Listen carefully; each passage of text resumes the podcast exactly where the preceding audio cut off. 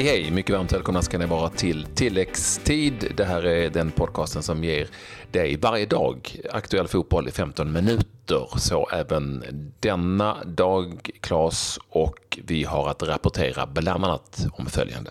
Arsenal på vinnarspåret igen efter fyra raka förluster. Skönt att se Forsberg spela för fullt nära drömmål i Europa League. Erkan Sengin eh, lämnar Turkiet, kan vara på väg till Hammarby. Och vi inleder det här programmet med en host-host, för jag behövde hosta helt enkelt.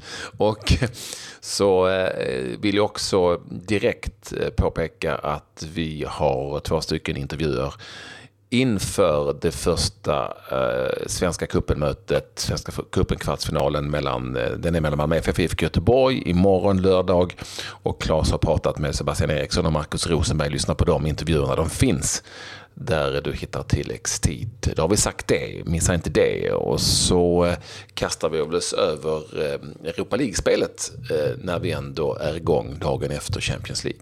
Ja, och vi börjar ju på San Siro där eh, omgångens möte, får vi väl ändå säga, var Milan mot Arsenal.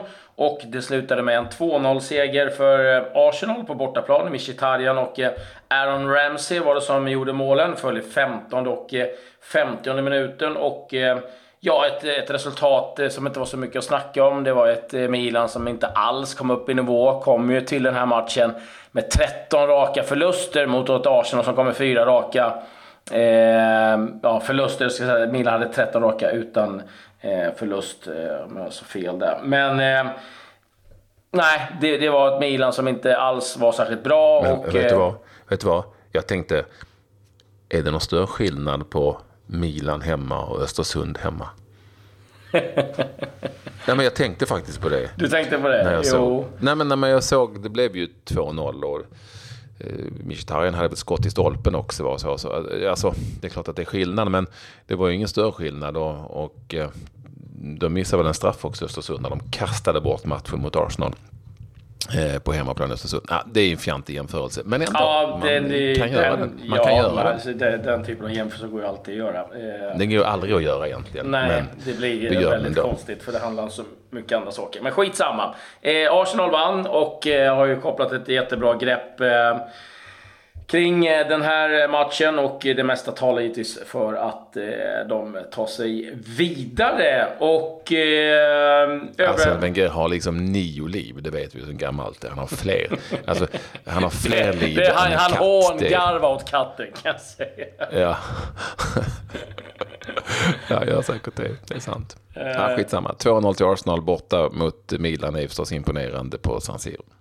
Atletico Madrid eh, besegrade Lokomotiv Moskva med 3-0 och eh, kan vi nog räkna att de är vidare också. Lyon besegrade CSKA Moskva på bortaplan med 1-0. Pontus Wernbloom spelade där mittback för CSKA. Men känslan är att han har skolats om för kort där borta nu i eh, Men vadå, var han inte forward för bara ett tag sedan? Det... Jo, jo, han är, han är, som är, det är en riktig potatis där, Wernbloom. Han är forward, defensiv mittfältare och eh, mittback. Han har spelat väldigt mycket mittback den senaste tiden och eh, ja, men det är ju en spelare som faktiskt kan spela på väldigt många olika platser. Eh, Mm. Så det... Ja, det är en ärlig mark definitivt. Mm. Eh, Dortmund eh, fick stryk mot Red Bull Salzburg 2-1. Och det som är oroväckande där är ju att Alexander Isak sitter fastnitad på bänken skulle jag vilja säga. Eh, de ligger under, har gjort två byten, gör inte ett tredje när man jagar ytterligare ett mål.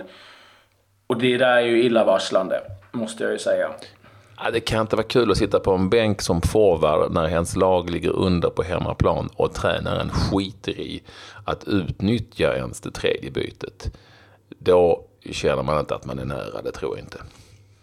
Nej, eh, tyvärr eh, är det ju så. Han eh, byter in Götze och han byter in eh, eh Batshui. Men eh, det, det, var det enda. Och eh, nej, det där är ehm, Eh, han bör nog försöka ta sig därifrån eh, på lån för att få speltid. Han är inne i en, ja, han är ung och behöver spela. Det är det han behöver göra. Så att eh, vi hoppas att eh, han kan hitta lite speltid framöver. Eh, Lazio, Dynamo Kiev, den slutade 2-2.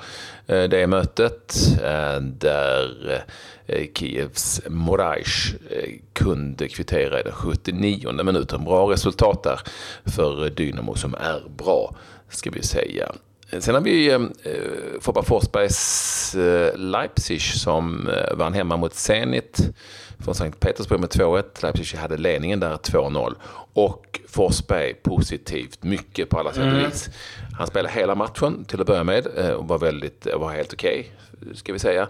Och hade dessutom en sån här patenterad Forsberg-frispark de här konstiga skotten, du vet, med någon sorts insidesträff som wobblade hela vägen in i stolpen. Målvakten fattade knappt någonting förrän han såg bollen studsa ut igen.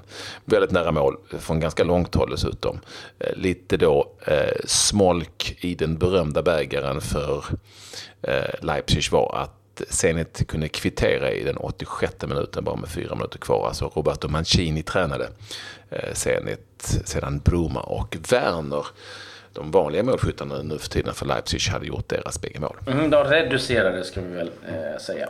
Så jag kvitterade? Ja. ja de reducerade. Ja. Märk ord, folk fattar väl?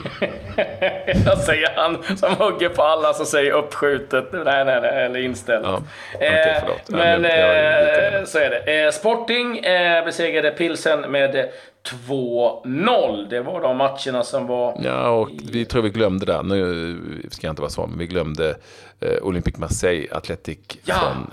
från eh, Bilbao. Den matchen slutade 3-1 till fransmännen. Mm. Eh, sen var vi inne på eh, Erkan Sengin bryter sitt kontrakt eh, i Turkiet. Eh, Eskirispor och eh, ja, Next Stop Stockholm var eh, beskedet själv ifrån Erkan Sengin och det har ju givetvis dratt igång enorma ryktespridningar eh, om eh, att han ska komma hem till Hammarby och det är givetvis många eh, Hammarby-supportrar som hoppas det. Och, eh, ja, det vore ju en otrolig eh, eh, profil som kommer tillbaka.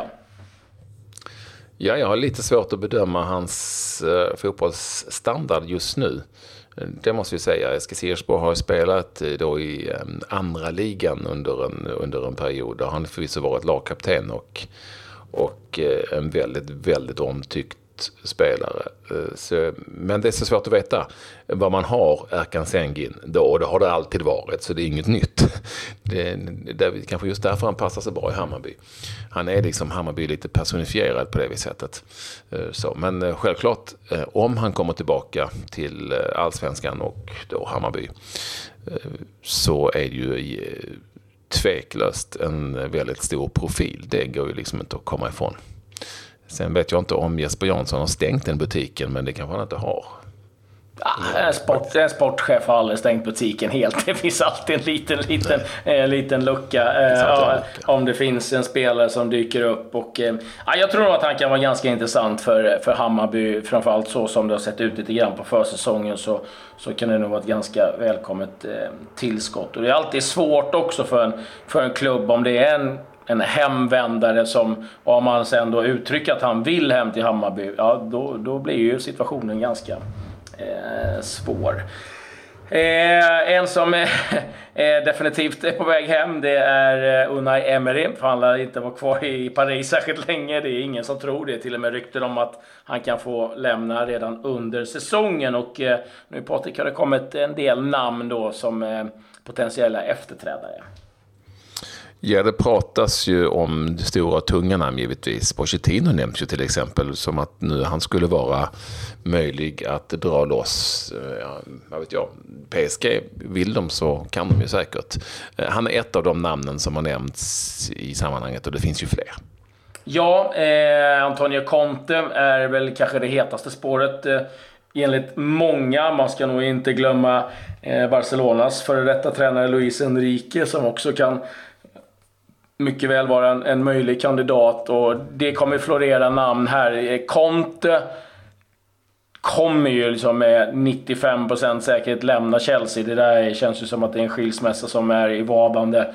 Eh, Pochettino tror jag däremot inte är lika sugen på att eh, eh ta sig loss ifrån Tottenham innan de flyttar in i nya arenan, eh, White Hart Lane. Och eh, han vill nog gärna vinna någonting där. Och sen tror jag att det har varit väldigt mycket snack om eh, Pochettino till Real Madrid eh, när den dörren möjligtvis öppnas då när Zidane lämnar. Så att jag tror att han sitter nog gärna och väntar på den möjligheten istället efter att ha jobbat i, i Spanien också i Espanyol under flera år. Vi kan ju konstatera att alla mer eller mindre stora namn som är, eller har varit för den delen, kommer att nämnas innan det blir klart i sammanhanget. För det är det de kommer gå efter. Jag tror till och med Svennis namn kommer nämnas. ja, det är nog Svennis själv. Åtminstone av Svennis själv. Så kommer det säkert att bli. Ja, nej. Eh, ja, nej, det ja, Svennis hade nog varit jävligt sugen, det tror jag. Nej, det, det är som du säger, det kommer vara, det kommer vara namn man går på och eh, de kommer givetvis sikta oerhört högt. Och, eh, ja, Conte, där, där, kan, eh, där finns det ju en plånbok i alla fall eh, att, att jobba efter. Så att, eh, det ska bli spännande att se vad, vad som händer i Paris. Men eh, eh, det var ganska många spelare som ryktades eh, få lämna också. Det, jag satt och läste den så kändes det som att det var som i stort sett hela startelvan som eh, skulle kunna få lämna utan Neymar i stort sett. Men eh, det kommer bli en rensning i Paris. Så mycket kan man vara ganska säkra på. Jag har ju koll på svenskar ute i den vida världen. Det vet du. Simon Hedlund i Union Berlin tillhör en skara spelare som är väldigt missnöjda med hur eh, allting står till i den tyska klubben som spelar i Schweiz, eh, alltså andra Bundesligan. Och eh, det är så att det varken bekräftas eller dementeras. Däremot så säger Simons agent Per Jonsson, han säger det till Fotbollskanalen, att Simon, han ska inte åka ner och träffa Simon och att det möjligtvis kan bli ett klubbyte snart. Det lär vara kaos där. Och vi har ett resultat också med svensk intresse och det är ifrån Concacaf älskar så här Concacaf, eh, Champions League. Det kvalspel som man har, det är lite annorlunda upplägg. Man har dragit ner på antal lag där är som har gått direkt till Champions League. Och där spelade Gustav Svensson hela matchen för Seattle Sounders mot eh, Guadalajara. Det är också rätt coolt att säga. Guadalajara. Eh, mot Mexarna vann med 1-0 sedan gamle Clint Dempsey gjort målet. Jag kollade lite på vi är lite intresserade av vem som eh, brukade dominera där, det Champions League-spelet. Och då visade det sig, alltså där borta i Nord och Mellanamerika, och det visade sig inte överraskande att det har varit mexikansk segrare sedan eh, 2006. Varenda år ett mexikanskt lag. Framförallt Amerika och Pachuca. Eh, men även Cruz Azul och Monterrey har vunnit ganska många gånger. Men, men eh, ända sedan 2006 har det varit mexare som har vunnit. Och det som är lite roligt då när man tittar på det här, jag ville bara nämna det Claes, det är att eh, när det tidigare var, ja, en så att säga vanligt kuppspel och inte Champions League. Så var det, är det två stycken, så har ett lag från Curaçao blivit tvåa två gånger, 1967 och 1979. Det är ju värt att nämnas. Din favorit eh, på, på alla sätt. Ja.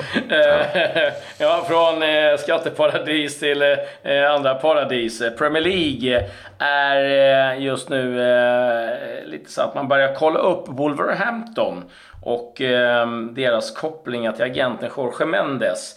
För de har ju rusat iväg och är på väg upp till Premier League och eh, det har ju varit väldigt mycket frågetecken kring hans inblandning i Wolverhampton. För det är ju eh, mängder av spelare som eh, är i hans stall som helt plötsligt dyker upp i Wolverhampton. Så det kan bli en liten undersökning där och får se lite vad de kommer fram till. Men det kan nog skaka om Wolverhampton lite grann och framförallt hans inblandning i klubben. Det var väl egentligen eh, vad jag hade ifrån eh, gårdagen. Ja, eh, och eh, vi, eh, det, var ju, det var ju dessutom internationella kvinnodagen igår, värt att eh, påpeka. Och under den dagen så togs det ut en världselva då såklart med damfotbollsspelare och i den världselvan så eh, hittade vi två svenska spelare, trevligt. Hedvig Lindahl, målvakten, och Nilla Fischer, mittbacken, fanns med i den eh, världselvan. Det är ju lite stort. Ja, det är ju väldigt stort. Jag tror att Hedvig, att det är väl andra året i rad hon är uttagen, tror jag, om jag inte är helt fel på det. Men det är kul och eh, givetvis viktigt att vi har spelare på den yppersta nivån som kan vara med och sätta standarden lite grann. Och så jag hoppas att de får... Återigen, missa inte intervjuerna. Med, Nej. vi laddar nu för cup, cupkvartsfinalerna. Du har gjort dem med Markus Rosenberg och Sebastian Eriksson. Ja, där de eh, pratar lite inför matchen givetvis. Eh, lite om eh, tankar för säsongen och, eh, och så får ni också höra lite grann eh, Sebastian och hans eh, ja, känslor inför David Astore, en gammal lagkamrat till honom som då gick bort och lite berätta om vad det var för en kille. Så att, värt att lyssna på, på på alla sätt, både Rosenberg och Sebastian Eriksson. Då gör vi det. Och sen, nu säger vi tack och hej. Adjö. Hej.